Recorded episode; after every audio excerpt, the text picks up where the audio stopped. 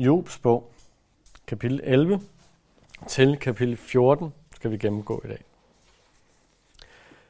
Når vi som kristne står med Guds løfter i hånden, som vi har dem gennem hans ord, så har vi et håb om evigt liv. Og det er ikke bare sådan et håb, som, som når vi til daglig taler om, vi håber, at toget kommer til tiden. Vi håber, at dem i køen holder afstand til os, fordi at det har vi lidt brug for i øjeblikket. At det, det, det plejer at blive brugt som et udtryk om noget, vi, vi ønsker. Vi, vi har ikke rigtig kontrol over det, vi er ikke sikre på, at det sker, vi, vi, vi håber det. Men det er ikke sådan, Bibelen taler om et håb. Bibelsk håb er en, en fast overbevisning.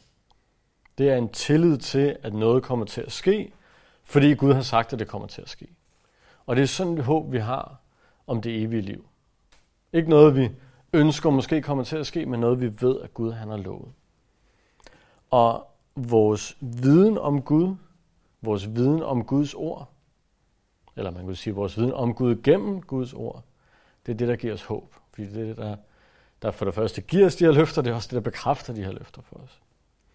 Jo og hans venner, de ramte stadig i deres diskussion, hvor at de, de prøver ikke længere sådan at, at blive enige om tingene. De prøver ikke at sige, jamen altså, min teologiske baggrund siger det her, og vores traditioner herover, de siger det her, og jamen, jeg har oplevet det her, og en eller anden skummel øh, ånd har talt til mig i natten om det her.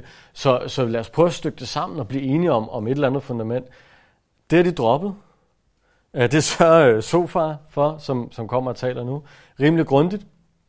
I stedet for, så går de over i, i en... Det er ikke så meget diskussion, men de prøver at, at vinde diskussionen ved at, at vise, at de er klogere end den anden. De er klogere end modparten. Det er altid det, det gode trick at tage frem. Ikke? Så nu er det ikke længere, jeg har ret, fordi x, y, z. Nu er det, jeg har ret, fordi jeg er klog, og du er dum. Det, det er det, de, de lidt kommer over i nu. Øh, jeg har viden, og du har ikke noget viden. Og, og i det, at vi så prøver at gennemgå det, og prøver at finde ud af, jamen, hvem er det så rent faktisk, der har viden, og hvem er det, der ikke har viden, så kommer vi også til at se, både gennem Sofa og gennem Job, at den, der rent faktisk kender sandheden, den, der har sand viden, er også den, der har et sandt håb. Er også den, der har noget at, at holde fast i, men den, der ikke kender sandheden, har ikke noget håb overhovedet.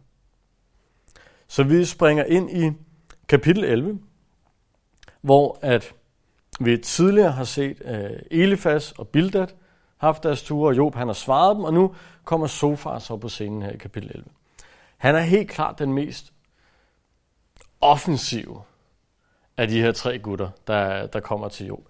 Han antager som et faktum, at Job han har syndet. Og at, at det er på grund af en eller anden skjult synd, at alt det her er sket for Job. Han, det er ikke, han, han spørger ikke, han, han formoder ikke, han antager det bare, sådan er det. Fakta, du har syndet. Øh, og ikke nok med det, fordi det, det er jo tavligt nok i sig selv, men, men han går også meget hårdhændet til værks. Som sagt, han er meget, meget offensiv i sin tilgang til Job.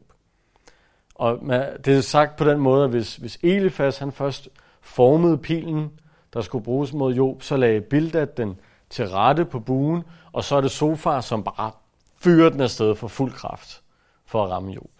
Og det er det, vi skal se på nu.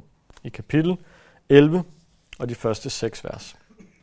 Der sagde Sofra fra Naman, skal den, der bruger mange ord, ikke have svar?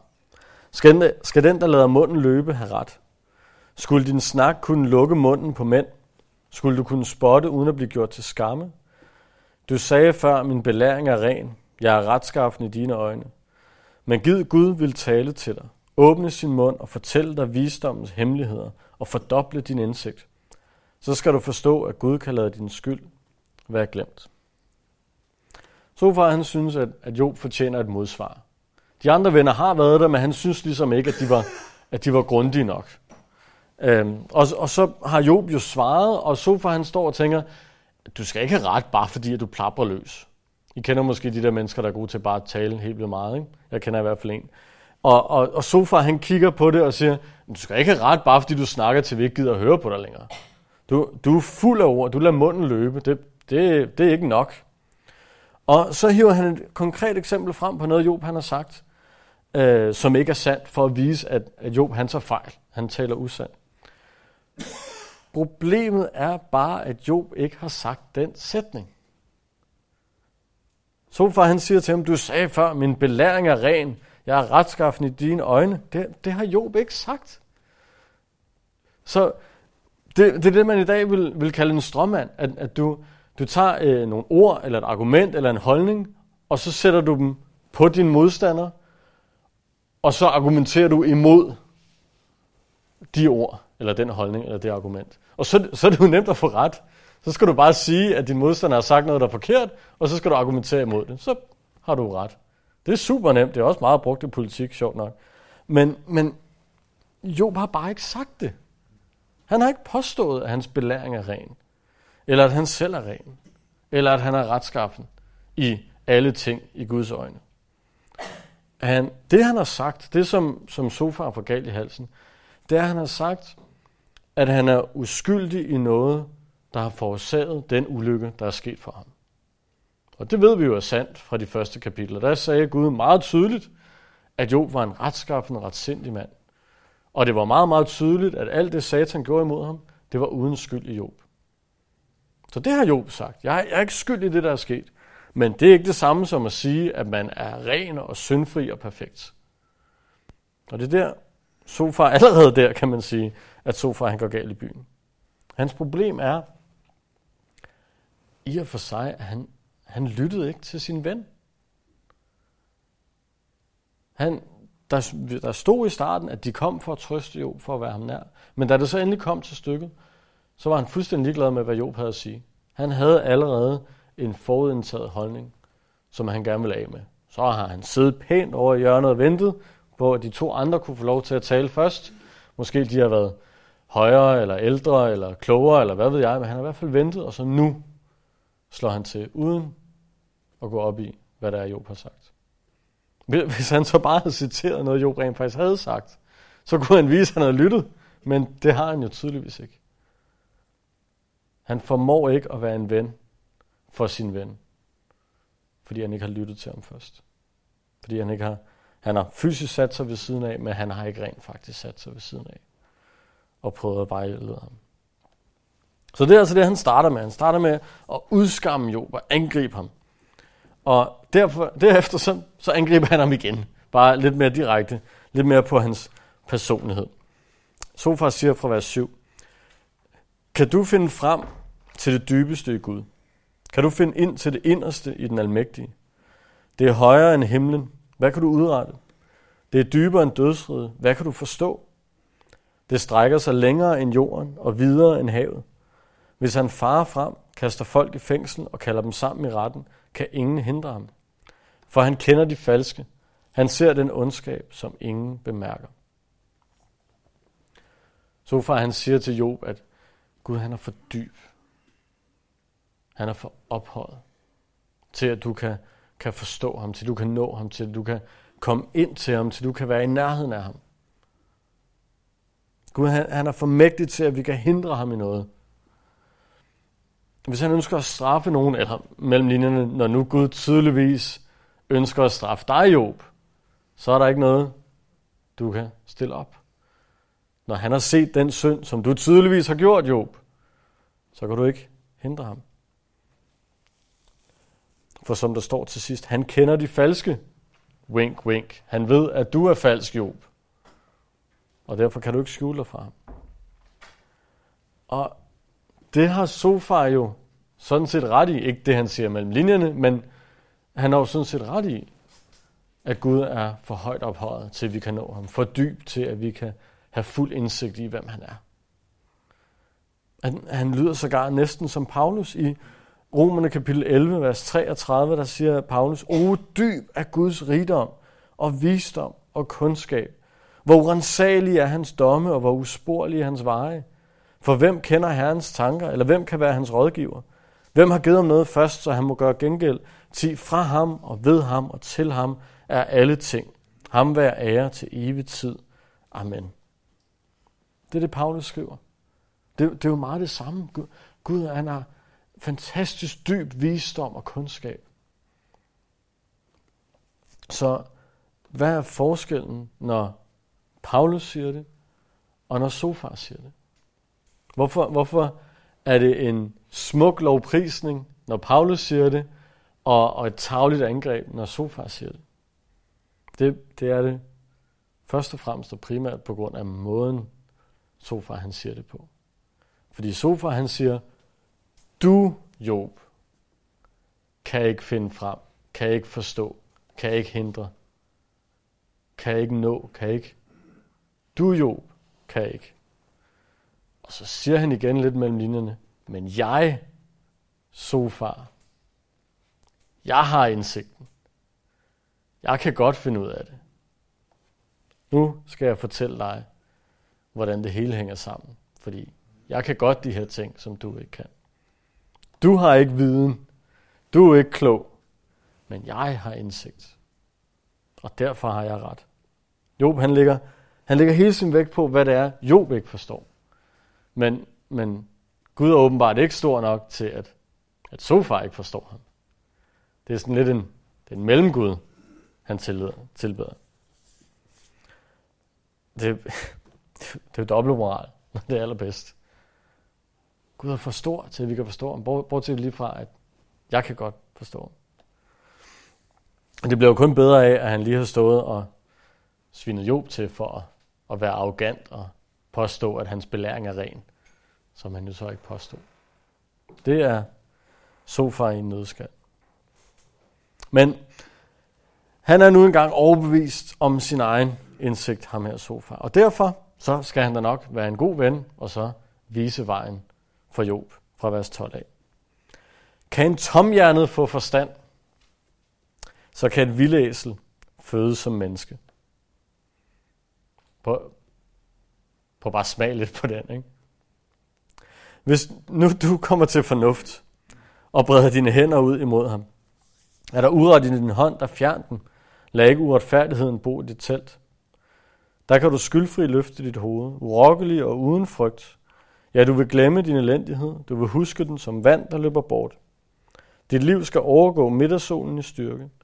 Hvor det ser mørkt ud, skal det blive som den lyse morgen. Du kan være tryg, for der er håb. Du er under beskærmelse og kan trygt gå til ro. Du kan lejre dig uden at nogen jager dig bort, og mange vil søge din gunst. Men uretfærdiges øjne stiger sig trætte, for de har ingen steder at flygte hen. Deres eneste håb er at udånde. Jeg har næsten vendet mig til, til de her ting, vennerne det siger til Job. Så, så da jeg læste det første gang, var sådan, Nå ja, ja, han siger noget om en tobe, ikke? Men, men det er godt nok noget af et stød, han får sat ind. Der er større sandsynlighed for, at et dyr bliver født som et menneske, end at du bliver fornuftig. Det er det, han siger til Job. Ja, så, men det Sofar rent faktisk prøver at sige efter den her sviner, det, det er samme skuffe med herlighedsteologi, som, som vi har set de andre venner komme med tidligere. Hvis du blot vender dig mod Gud, hvis du blot bekender den synd, som vi ved, at du har begået, så vil dit liv, står der, overgå middagssolen i styrke, og du vil være tryg og beskyttet og have håb. Og det er jo alt sammen meget fint. Det ville jo være meget rart, hvis det nu engang var en synd, Job havde begået. Så ville det være en dejlig løsning på problemet. Men det er bare... Det er for mekanisk. Altså det, det, er jo det er bare noget, han har taget fra en eller anden teologibog, og så fyrer han det af, fordi han har lært det udenad. Det, det kommer bare. Nå ja, det er jo A plus B er lige med C, værsgo. Hvis du omvender dig fra din søn, så øh, skal det nok gå godt det hele. Det, det er bare teori for ham. Men det passer ikke ind i Jobs situation. Det er ikke relevant for Job. Det er ikke det, der foregår. Det kan godt være, at, at i hvert fald mange af de ord, han siger, er sande nok i sig selv, men de er ikke sande i konteksten. Og som vi så lige før, hans intentioner er tydeligvis ikke at hjælpe. Hans intentioner er bare at vise Job, at han er en dum sønder. Hvilket han jo nok også er, men bare ikke lige i, i den her situation. Han ønsker bare at pege fingre, jo. far, han, han taler ikke for Gud, og derfor så kan han ikke love noget på Guds vegne. Slet ikke noget, som, som ikke passer ind i konteksten. Og derfor så det her håb, som han prøver at give, han nævner det sågar flere gange, både direkte og indirekte, det er et falsk håb, han giver. Han, han påstår at have en, en dyb viden om Gud, men, og det tror han givetvis også, at han har. Jeg, jeg tror selv, han er overbevist om, at han, han er ret. Men, men fordi den viden er en løgn, fordi den viden ikke er brugt på det rigtige tidspunkt, på det rigtige sted, så, så kan han ikke tilbyde Job noget i hans sorg. Han, han kan ikke give Job noget. Han kan ikke hjælpe Job. Og derfor så har han heller ikke noget håb. Hverken noget håb, han kan give til Job, eller noget håb, han selv vil kunne klamre sig til, hvis han skulle få brug for det en dag.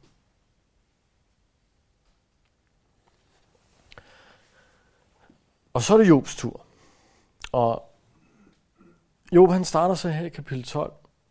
Og han, han, har, han har været sådan rimelig nede på jorden, når han har svaret sine venner. Han har prøvet at tage diskussionen, og, og nogle gange så løber munden af med ham, men, men han har prøvet ligesom at, at svare det, øh, vennerne siger. Men nu er han varmet op, så at sige. Han er i gang. Han har, men jeg ved ikke, om han har rejst sig op fysisk, men han er i hvert fald varmet op. Så nu i kapitel 12, nu bliver det for meget, efter de her sviner og sofa, han kommer med. Så nu slår Job tilbage. Han siger i kapitel 12, vers 1. Der sagde Job, I er i sandhed de rette folk. Med jer uddør visdom. Men min forstand er lige så god som jeres. Jeg står ikke tilbage for jer. Hvem kan ikke tale med om de ting? Som en, der råber til Gud og forventer svar, er jeg til latter for mine venner. Den retfærdige og retsindige er til latter. Spot til skade, sådan tænker de sovløse. Et spark til dem, der er ved at falde. Voldsmændenes telte står i fred. Og trygge er de, der udfordrer Gud og vil tage magten fra Gud. Der er, der er flere forskellige kommentatorer, der, der nævner, at her er, er Job lidt ironisk i det, han siger, eller her så, så imiterer han bare noget, han, han mener det ikke rigtigt, og det er der forskellige holdninger om i de tidlige kapitler, men, men det her, det ved vi er ironisk. Ikke fordi jeg har den store indsigt, men, men når man siger til de her gutter, som man er hammerende uenig med, I er i sandhed de rette folk. Med jer uddør visdommen. Altså når, når I dør, så er der ikke længere nogen tilbage, der har visdom, for I er de eneste, der besidder visdommen. Så er Job ironisk. Job, han, han håner dem. Han prøver at give tilbage af samme skuffe, som han lige har fået fra. Og så oven i det, så siger han så, at min forstand er lige så god som jeres. Det er jo så ikke særlig godt, når han håber dem for at være dumme. Men okay, han prøver ligesom at sige, at han, som minimum kan han godt være med, øh, hvor, hvor de kan være med. Og så beskylder han dem for at sparke til ham, mens han er ved at falde, hvilket jo rammer meget godt. Øh, og han føler sig forfulgt af de her venner, som, som bare er efter ham, som ikke prøver at hjælpe ham. Han, han føler ikke, at deres såkaldt vise ord er stærke nok til at modbevise det, han selv siger. Og så fortsætter han i vers 7. Men spørg dog dyrene, lad dem belære dig. Spørg himlens fugle, de kan give dig svar. Eller jordens busk, lad dem belære dig. Havets fisk kan give dig besked. Hvem af alle dem er uvidende om, at Herrens hånd har skabt det hele? Alle menneskers liv har han i sin hånd. Alt levendes livsånd. Sådan prøver ordet, øret ordene, ligesom ganen smager på maden. Skal man være gammel for at være vis? Skal man være højt til års for at have indsigt? Sofa har lige startet den her kamp.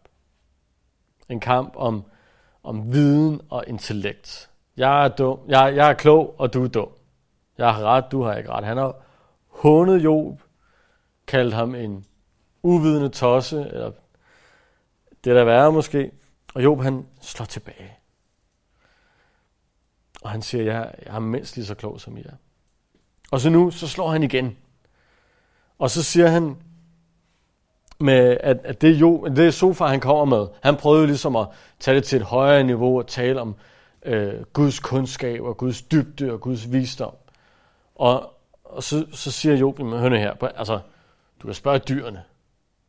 Han nævner både dyr og fugle og fisk. Det er ligesom hele dyret. Du kan, du kan spørge dyrene, som vi jo godt ved er dummere end mennesker.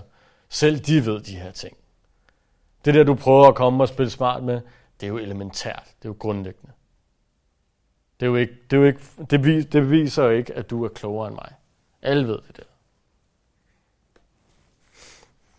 Det kan godt være, at I andre er ældre end mig. Det kan godt være, at I er mere gråhåret end mig, og det er selvfølgelig et tegn på visdom, det ved vi alle sammen. Det kan godt være, at, at I har en masse ting på jeres CV, som gør, at I burde være klogere, men jeg kan godt være med på det her plan. Jeg skal ikke komme og tro noget. Det der Job siger. Det der, I underviser, det ved alle. Og så går Job i gang. For Job, han har også et foredrag, han kan slå tilbage med, så at sige. Fra vers 13. Hos Gud er visdom og styrke. Han sidder inde med råd og indsigt. Hvad han river ned, kan ingen bygge op. Den han lukker inde, kan ingen lukke ud. Holder han vandet tilbage, bliver der tørke. Slipper han det løs, ødelægger det landet. Hos ham er der styrke og visdom. Han er herre over den, der farer vild, og den, der leder vild. Han fører rådsherre barefodet bort. Dommer lader han fremstå som tåber. Kongers bælte løser han og binder ræb om deres hænder. Han fører præster barefodet bort og bringer elgamle slægter til fald. Ved troede mænd fratager han malet og tager dømmekraften fra de ældste. Han overdænger stormænd med foragt og ydmyger magtfulde mænd. Han afslører det dybeste mørke og bringer mulmet frem i lyset. Han lader folkeslag blive store og til integør dem. Han lader dem brede sig og føre dem bort. Han berøver folkets ledere fornuften og lader dem flakke rundt i et som øde. I et mørke uden lys famler de sig frem. Han lader dem rave rundt som beruset. Sofars argumentation, og sådan set også de andre venner, den gik på, at Gud han er højere, han er dybere, end, end hvad vi kan forstå. Uh, han er større og mægtigere, end, end hvad vi kan hamle op med, hvad vi kan, kan kæmpe imod. Og han bruger den her storhed. Det er det, vennerne har sagt. Han bruger den her storhed, den her magt, den her visdom til at regere universet. Og det gør han færre og prompte. Han dømmer alt med det samme. Han velsigner alle de gode gerninger med det samme. Punktum. Sådan er det bare. Og Job han siger så nu, at jamen, han er sådan set enig i den første del. Han er enig i, at Gud er så ophøjet, som de siger. At han er så vis, som de siger. Han er så mægtig, som han siger. Som de andre siger. Han, han, han siger med alle de her ting, at han, øh, han bestemmer over kongerne, han bestemmer over præsterne, over de betroede mænd, øh, over stormændene. Han, han blev ved med at, at ramse alle mulige mægtige mennesker op. Og alle dem her er Gud mægtigere end. Så det er han sådan set enig i. Der står i, i vers 13 og 14, hos Gud er visdom og styrke, han sidder inde med råd og indsigt. Hvad han river ned, kan ingen bygge op, den han lukker inde, kan ingen lukke ud. Han er stor og mægtig. Han regerer det hele. Men Job er ikke enig i det andet punkt. At Gud han henholdsvis dømmer og velsigner med det samme hver en gerning så at man til hver en tid kan se en persons retfærdighed eller uretfærdighed. Fordi han beskriver så, at, at Gud han bruger sin, sin storhed til at lade dommere fremstå som tåber. Og til at ydmyge magtfulde mænd. Til at lade folkeslag vokse og skrumpe, står der. Gud han handler på mange forskellige måder. Det er ikke altid bare en til en efter gerningen. En mand kan jo ikke både være magtfuld, og så samtidig blive ydmyget. Fordi hvis han er magtfuld, så er det jo, fordi han har været god, at han er blevet velsignet med den magt. Så kan han jo ikke samtidig blive ydmyget for at have gjort noget dårligt. Så, så, så hvis negative ting sker for alle de her præster, konger osv., så, så, så stemmer det jo ikke overens. Det I siger, at Gud han altid dømmer og velsigner gerninger en til en. Jo, jo, han siger i virkeligheden bare, at, at Gud han er, han er almægtig. Og han styrer universet på sin egen måde.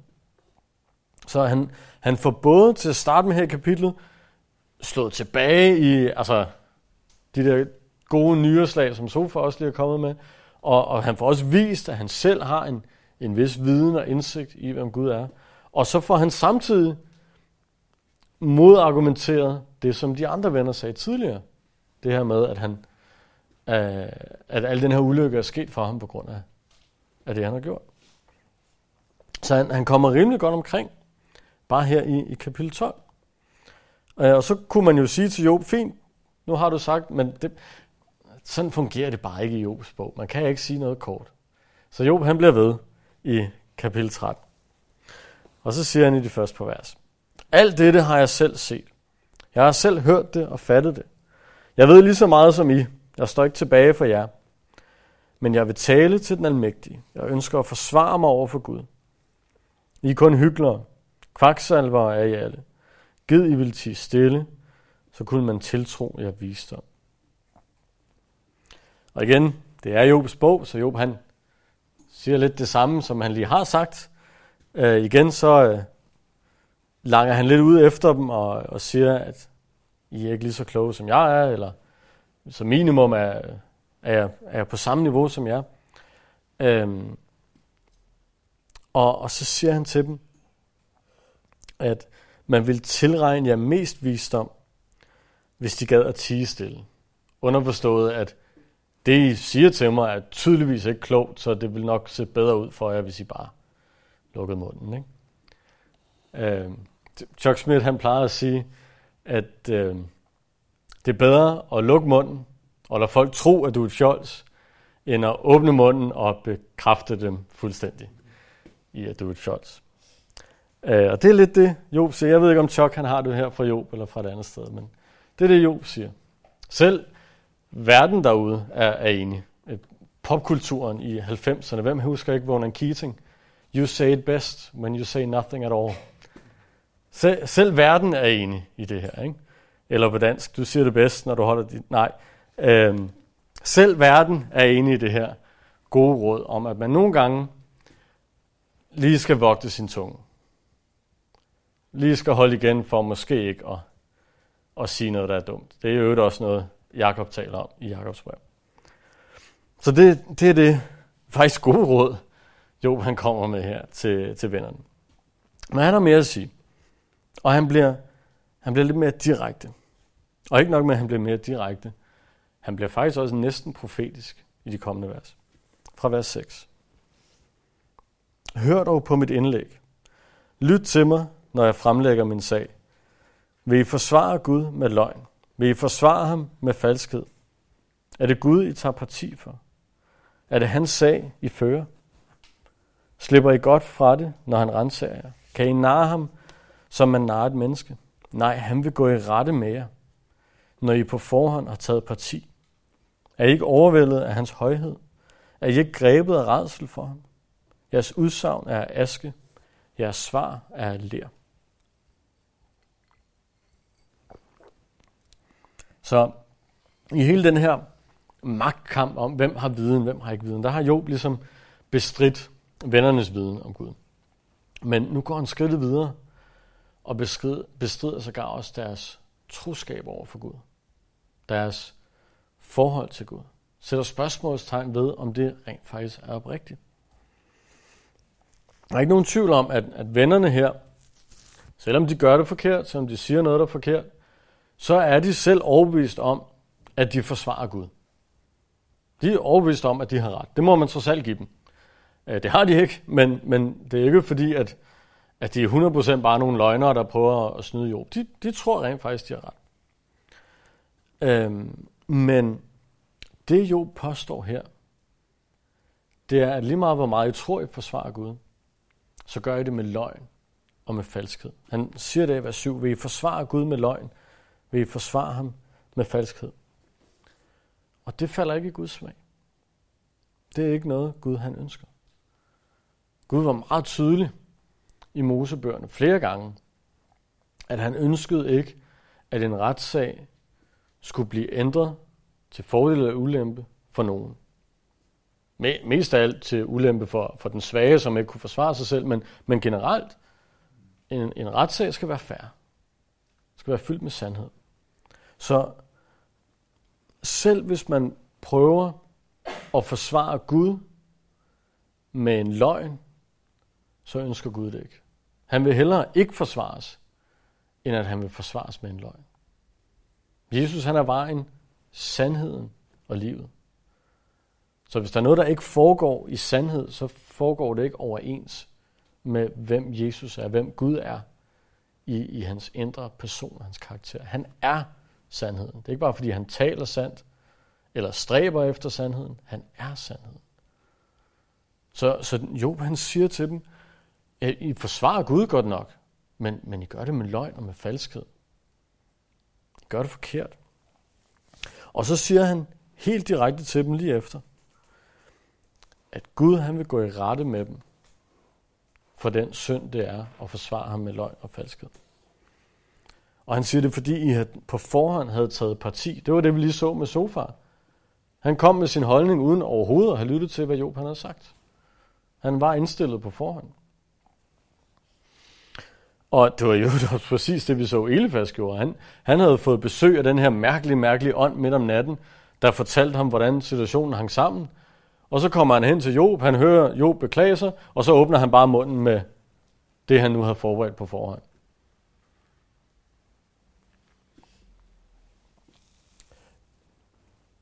Så de havde allerede besluttet sig på forhånd. Øhm, og Job han siger, at han er overbevist om, at de bliver rettesat for det her. Og jeg tror ikke, at det er fordi, han som sådan er profetisk her. Jeg tror ikke nødvendigvis, at Gud lige har inspireret, at han, han skulle, skulle sige det her for at vise dem, hvad der ville ske. Men hvis man har læst forud, og det har jeg, for ellers ville det være elendigt at stå og undervise en bog her. Hvis man har læst forud, så ved man, at der i kapitel 42, vers 7, foregår det, at Gud selv træder ind i debatten og siger til Elifas, min vrede er flammet op mod dig og dine to venner, fordi I ikke har talt sandt om mig. Job, han har fuldstændig ret. Job vil gå i rette med vennerne, fordi de ikke har talt sandt. Det er ikke helt ordret en til en, men det er godt nok tæt på. Og igen, jeg, jeg tror ikke som sådan, at det er en profeti, men, men han har i hvert fald ret i det, han siger. Uh, så, så der ser vi et af de eksempler på, at selvom de alle sammen siger noget rigtigt, og selvom de alle sammen siger noget, der er forkert, så er Job noget tættere på, end vennerne er. Han, han har fat i den lange ende. Men ikke nok med det. Så, så går Job også efter hjertet, så at sige. Fordi så siger han til dem, han, han prøver ligesom at, at etablere først øh, det logiske og sige, I kommer med løgn og falskhed. Og så prøver han at ramme hjertet ved at sige, er I ikke overvældet af hans højhed? Er I ikke grebet af redsel for ham? Det var akkurat det, jeg sagde om Sofa. Han kom bare med en eller anden udlandslæger. Og nu siger Job, jamen har du overhovedet overvejet, hvad det er, du siger?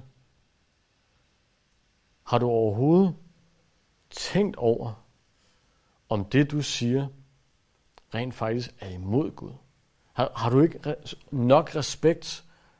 Har du ikke nok redsel, ærefrygt over for Gud til at veje dine ord lidt tungere, end du har gjort? Det, det han siger er, er I overhovedet interesseret i Gud?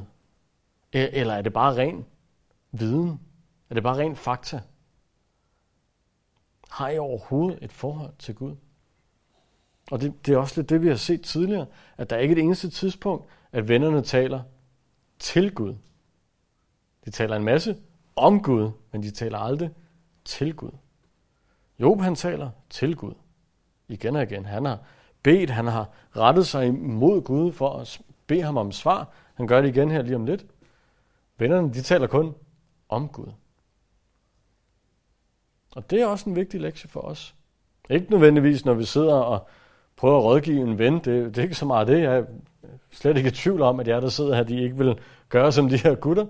Men, men har vi hjertet med? Eller er det bare ren viden? Er det bare ren teori?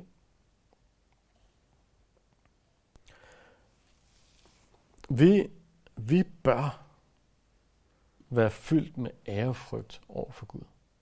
Vi bør være opmærksom på, Ikke bare i, kan man sige, den teologi, vi deler, men i den måde, vi lever på. Lever vi på en måde, der herliggør Gud? Eller er det kun noget, vi synger? Og det, det er sådan lidt, kan man sige, den, den negative side af det. Har vi, har vi ærefrygt for Gud?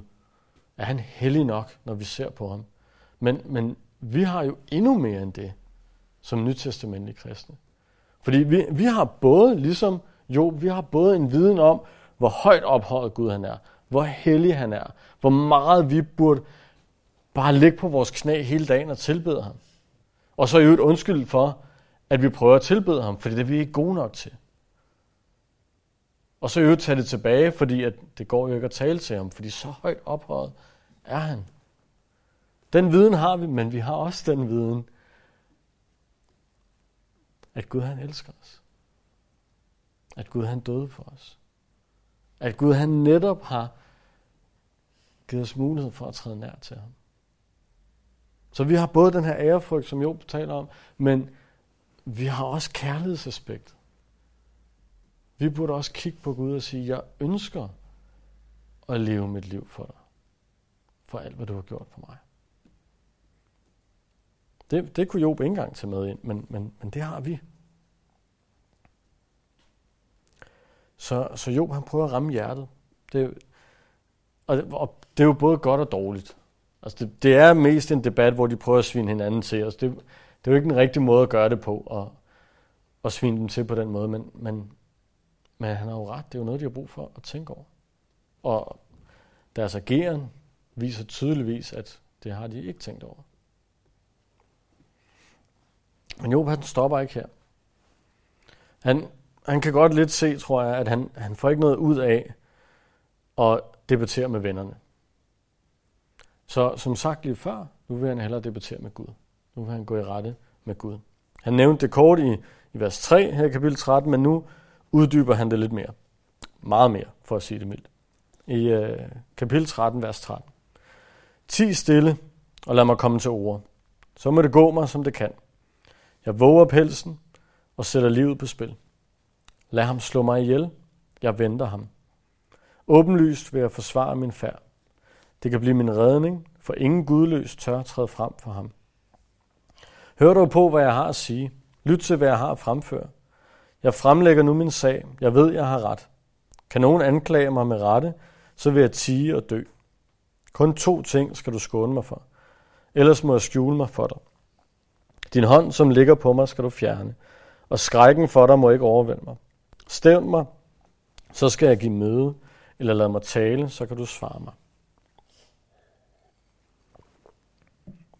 Det her, det er, det, jeg synes, det er nogle vilde ord, fordi det viser, hvor, hvor stor en tro Job han rent faktisk har. Men, men det viser på sin vis også, hvor, hvor galt han i virkeligheden kan gå, til trods for, at, at vi ved, at han har så stor en tro, at vi ved, at han har vandret med, med Gud. Jobs ord i de her 10 vers, de er både forarvende, de er hårdmodige, de er indsigtsfulde, de er bemærkelsesværdige, og de er inspirerende. Og lad os se på dem i den rækkefølge. Først og fremmest så er de forarvende over for Gud.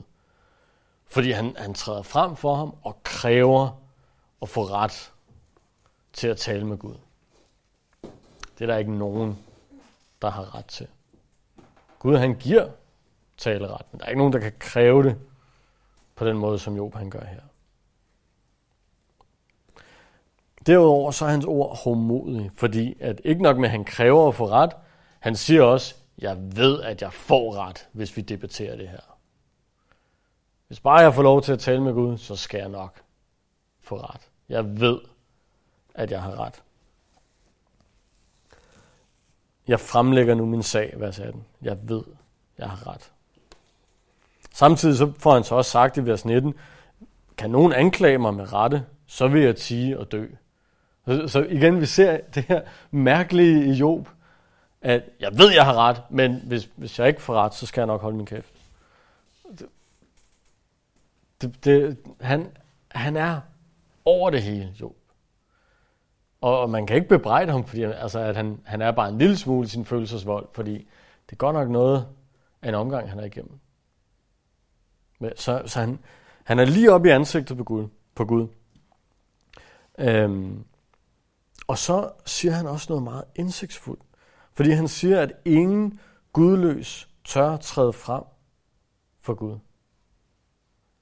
Så jeg, jeg synes, han overskrider en grænse i det, han kræver en taleret, men samtidig så ved han godt, at hvis du ikke er på Guds side, så, så kan du slet ikke træde frem for Gud. Hvis ikke Gud har givet dig lov, så kan du slet ikke tale til ham.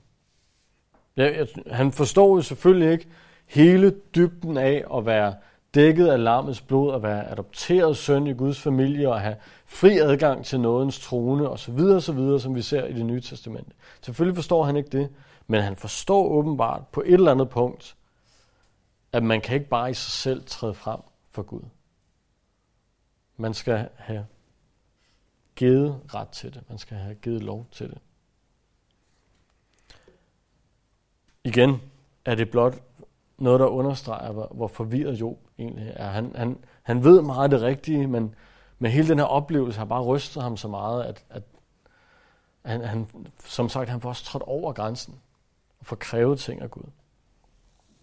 Og så endelig så er hans ord ufattelig bemærkelsesværdige og inspirerende, især i vers 14 og starten af 15.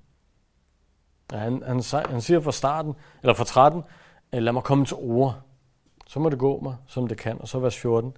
Jeg våger pelsen og sætter livet på spil. Lad ham slå mig ihjel. Jeg venter ham. Så Job han forstår godt, at man, man træder ikke bare frem for Gud. Det har han lige sagt. Og, og her så siger han så, at, at der er en risiko for, at han slår mig ihjel. Men jeg våger pelsen og træder frem for ham. Han, han er villig til at løbe den risiko. Han kender faren, men han træder ud i det alligevel. Og i vers 15 så står der, det er sådan lidt mærkeligt oversat, og det er også svært at oversætte, og jeg ville heller ikke kunne gøre det selv. Jeg kan bare læse, hvad nogle kloge mennesker siger. Men der står, jeg venter ham. Det her ord, vente, det har øh, betydningen af at vente på Gud i forventning og med, et, med en fast tillid og et håb, som nævnt tidligere, den her faste tillid og bevisning om, at Gud han kommer til ham. Det er det, det her vente betyder. Så det er ikke så meget, at åh, jeg venter på, at han måske kommer og slår mig ihjel. Jeg ved, at han måske kommer, og det bliver ikke så godt. Det, det er mere en, det er en tillidsting. Altså, jeg, jeg, jeg venter, fordi jeg ved, at han kommer til mig. Jeg ved, at han vil svare mig. Det er sådan, det skal forstås.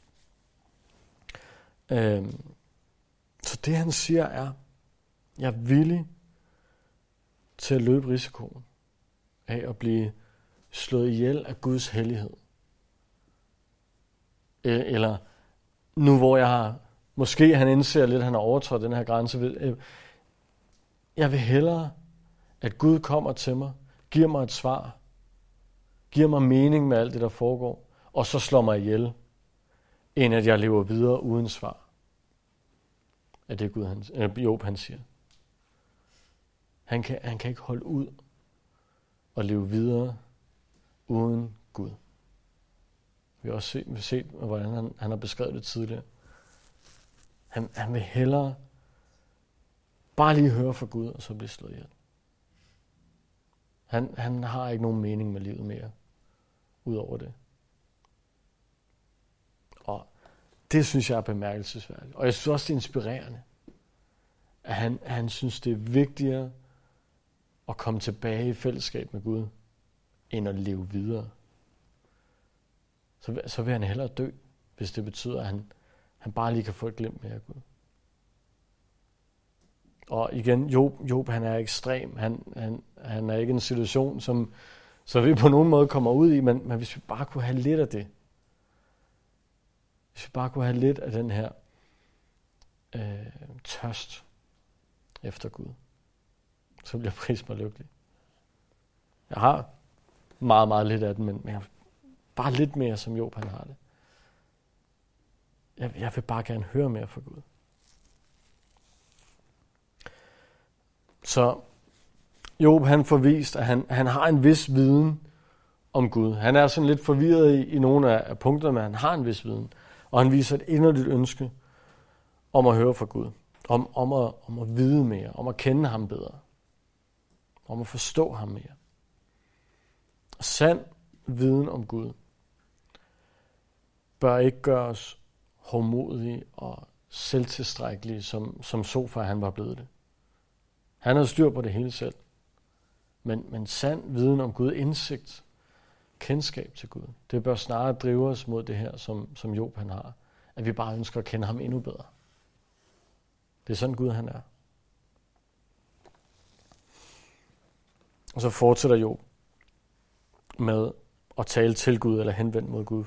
Hvor ofte har jeg forbrudt mig og syndet, fra vers 23. Påvis mine overtrædelser og synder. Hvorfor skjuler du dit ansigt og regner mig for din fjende? Skræmmer du visne blade bort? Forfølger du tørre strå? Du dikterer mig jo bedre vilkår og drager mig til ansvar for min ungdoms synder. Du lægger mine fødder i blokken. Du vogter på alle mine veje og afstikker de spor, mine fødder skal træde. Det er som en sæk, der er slidt, som klæder, der er møllet. Jo, han, han forklarer lidt, hvorfor han gerne vil mødes med Gud og tale med Gud. Han føler sig uretfærdigt behandlet af Gud. Som sagt, for han ønsker at, at finde en, en mening med det, og han føler, at hans ulykke er ufortjent. Hvilket igen på sin vis også er sandt, fordi han havde ikke gjort noget, der var skyld i, at alt det her skete. Men, men samtidig så viser det også noget interessant om Job, nemlig at inderst inden, så har han den samme herlighedsteologi, som vennerne har.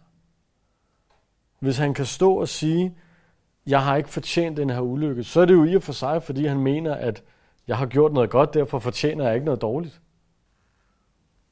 Derfor fortjener jeg at blive behandlet anderledes.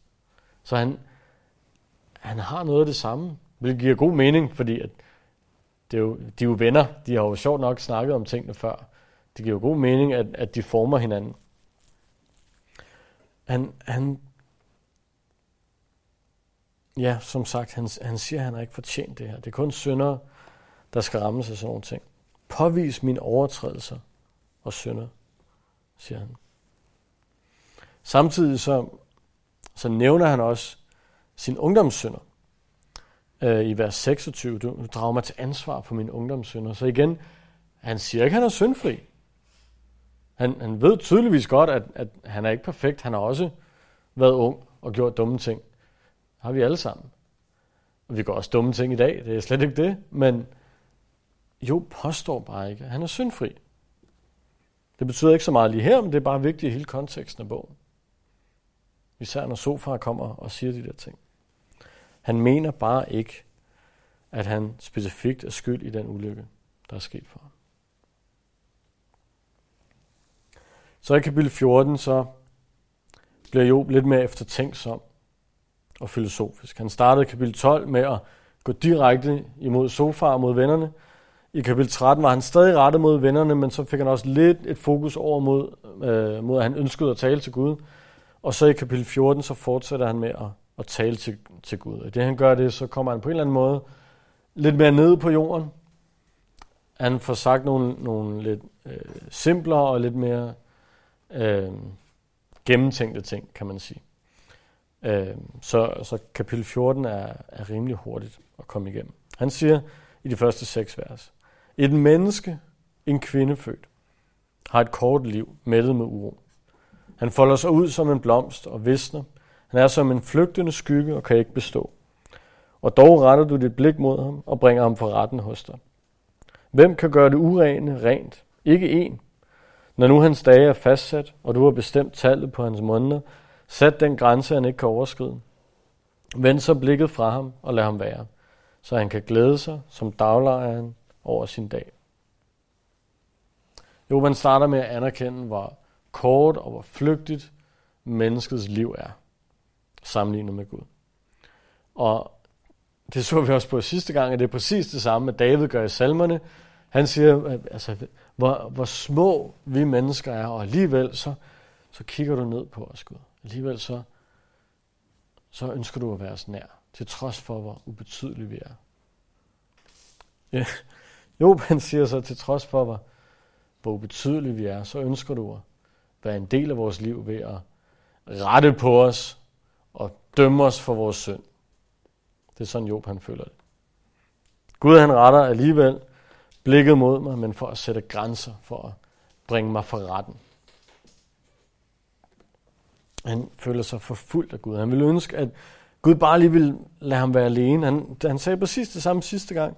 Vend så blikket fra ham, altså fra mennesket, og lad ham være, så han kan glæde sig som daglejeren over sin dag. Altså det vil sige, en af de laveste i samfundet, som arbejder hele dagen for bare lige at, at få lidt glæde sidst på dagen. Kunne du ikke bare lade mig være, Gud, så jeg bare kunne få den der lille bitte glæde ved at, at være fri. Det er det, Job han siger. Og så i vers 7. For et træ er der håb. Hvis det fældes, kan det skyde igen.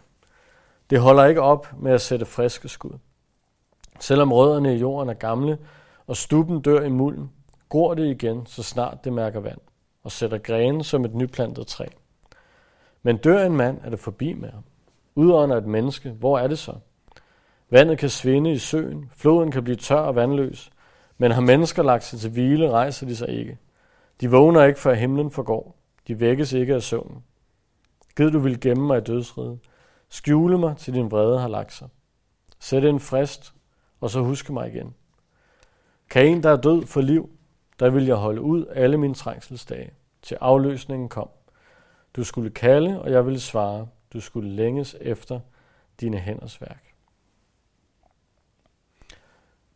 Job, han, han begræder, at han ikke har noget håb. Og så kommer han med endnu en af de her malende beskrivelser, hvor han siger, at et træ, hvis det bliver hugget ned, så kan det vokse op på ny. Der, der sidder dele nærmest over det hele i et træ, som du vil kunne tage ud, plante et sted, og så kunne der komme et nyt træ. Hvis du hugger det ned til stuben, så vil det teoretisk set, det kan godt være, det tager lang tid, men teoretisk set, så vil det kunne vokse op igen. Det, det er sådan, det er, hvis du hugger et træ ned, men et menneske. Hvis du hugger armen af et menneske og planter den i jorden, så sker der ikke forfærdeligt meget. Jeg har læger til stede, er det sandt? Den vokser ikke op igen. Men, jo, i nogen film måske, men der, der vokser heller ikke noget ud igen, uden et mirakel fra Gud. Men det gør der ved et træ. Hvis du hugger en gren af, eller hvis du hugger det ned, så vokser det op igen. Jo, han siger, at mennesket har ikke noget håb, når det først er slået ned, når det først dør. Så kan det ikke vende tilbage til livet. Og det er vigtigt at understrege her, at jeg tror ikke, at det her betyder, at der ikke er en genopstandelse. Men jeg tror, han mener, at man kan ikke vende tilbage til det her liv. Det liv, vi forlader. Man kan ikke vende tilbage til det her hjem, som han siger det. Det var præcis det samme, han sagde i, kapitel 7 i 8. Jeg tror blot, han mener, at man, man kan ikke komme tilbage hertil. Der er ikke særlig mange i det gamle testamente, der har, har sindssygt meget indsigt i, i livet efter døden. Hverken til eller fra. Øh, så det, det er ikke herfra, at vi øh, baserer vores, vores viden på de sidste tider og på himlen osv. Det er fra det nye testamente. Men det, der er interessant, er, at han, at han siger øh, i vers 12, har mennesker lagt sig til hvile, rejser de sig ikke. De vågner ikke, før himlen forgår. Det er jo sådan set sjovt, fordi at vi vil genopstå, når den her jord og den her himmel forgår. Så det er faktisk ret tæt på, hvad, hvad det nye testamentet beskriver. Det ved Job bare ikke. Så Job, han, han har ikke det her håb. Sofar havde en masse viden, men, men det var falsk, så han havde ikke noget håb. Job har en masse viden, og han kommer tættere på, men, men alligevel så har han ikke det sande håb. Han siger dog noget meget interessant i vers 14. Nemlig, kan en, der er død, for liv, der vil jeg holde ud alle mine trængselsdage. Altså hvis en, der er død, kan få liv, hvis, hvis, hvis vi tror på den teori, så vil jeg holde ud. Hvis det var sandt, så vil jeg have håb. Og det viser os, hvor vigtig den viden er. At Job han er overbevist om, at han, hvis han troede på en genopstandelse, så vil han også have håb. Job han kan kun se det her liv. Han kan kun se det, der foregår lige nu. Og derfor så kan han ikke kigge rundt i verden og se retfærdighed. Han kan ikke se håb om genoprettelse. Han kan bare se, at han som retfærdig oplever ulykke, at andre store konger og præster osv. oplever ulykke. Han sagde på et tidspunkt her, at, at de sovløse vender Gud ryggen og håner de retfærdige. Det er ikke retfærdigt. Det er ikke rigtigt. Det er ikke godt. Og, og hvis, hvis et menneske bliver hugget ned ligesom et træ, så kan det ikke komme igen. Der er ikke noget håb.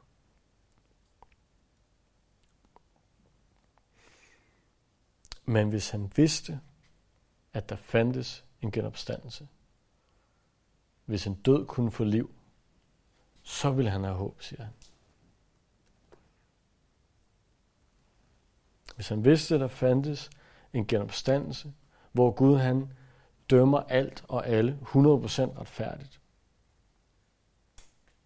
Hvor alt bliver gjort godt igen, hvor alt bliver gjort rigtigt, hvor alt bliver sat på plads, så vil han have håb. Og det er akkurat derfor, at vi kan have håb. Fordi vi ved, at det er sådan, Gud han kommer til at gøre det. Vi ved, at hvad end vi oplever af ulykker, af uretfærdigheder, af alt muligt andet, så ved vi, der venter noget bedre. Så ved vi, at Gud nok skal gøre det godt igen. Så ved vi, at hvad end der er hugget af, det skal nok vokse ud. Som profeten Joel siger det, de år, der blev spist af græshopperne, de skal komme igen. Det år, som blev spist af corona, det vil komme igen. Det, der er tabt, skal blive vundet igen. Ikke nødvendigvis lige i morgen eller lige i det her liv, men Gud skal nok gøre alting godt igen. Det er det håb, som vi kan have. Og Job han viser os, at hvis, hvis bare man tror på en opstandelse, så er der håb. Vi ved, at Jesus nok skal komme tilbage og gøre det godt. Og så slutter Job lige af fra, fra vers 16 og siger, men nu holder du tal på mine skridt. Husk, han, han har ikke det her håb. Og så siger han til Gud, men nu holder du tal på mine skridt. Vogter du ikke på min synd? Min overtrædelse ligger forsejlet i punkten. Du har, du har klistret til for min brøde. Nej, et bjerg kan styrte sammen. En klippe kan komme i skred. Sten rives med af vandet. Jord skylles væk af skybrud. Og du slukker menneskets håb. Du tvinger ham i knæ for altid, så han må gå bort. Du forvrænger hans ansigt og sender ham væk. Hedres hans sønner, indser han det ikke. Går det dem dårligt, lægger han ikke mærke til det. Så mange smerter har han i kroppen, så stor sorg har han i sjælen. Igen, Job han ser ikke det fulde billede af, hvad Gud han gør, hvad Gud han har tænkt sig at gøre. Og derfor så, så ser han kun det umiddelbare. Og det umiddelbare er, at han selv har været retfærdig, men Gud har forårsaget ulykke i hans liv. Derfor er Gud ikke retfærdig. Og det er derfor, han, han siger de her ting. Du tvinger ham i knæ for altid. Du holder tal på min skridt og vogter på min synd. Han, han har en masse viden, men han, han mangler. Han mangler det, der gør, at han har håb. Han mangler at forstå det fulde billede. Og det understreger igen, at hvis, hvis bare han, han vidste det, vi ved, så vil han have først og fremmest en anden opfattelse af Gud, og så vil han have håb. Og det er det, vi kan tage med os i dag, at, at med al den viden, de har, også meget, som ikke er baseret på Guds ord, så er der ikke noget, der er vigtigere end at vide, hvad det er, Gud han har sagt. Fordi viden om hans løfter, viden om, om de sidste tider, viden om, at Jesus han kommer igen, viden om, hvad der sker, når vi dør, det giver os et håb. Det, det, det giver os en, en mening, og det giver os noget at se frem til selv, hvis vi skulle stå i det samme som Job så ved vi, der er en mening, og vi ved, at der er et evigt liv og et evigt håb. Og her vi, vi takker for netop det. Og tak også, at vi, vi lever i en tid efter korset. Efter det første århundrede. Efter at, at ordet er blevet så frit tilgængeligt, som det blev efter Wycliffe og Luther og alle de andre gode gutter. Her tak, at, at vi kan stå med dit ord i hånden og vide, at du gør alting godt igen. Vide, at du genopretter, at du lærer, at du velsigner. Herre, tak for det håb, og hjælp os til at, til at leve i det, og hjælp os til at leve i taknemmelighed over for dig, for alt, hvad du har gjort.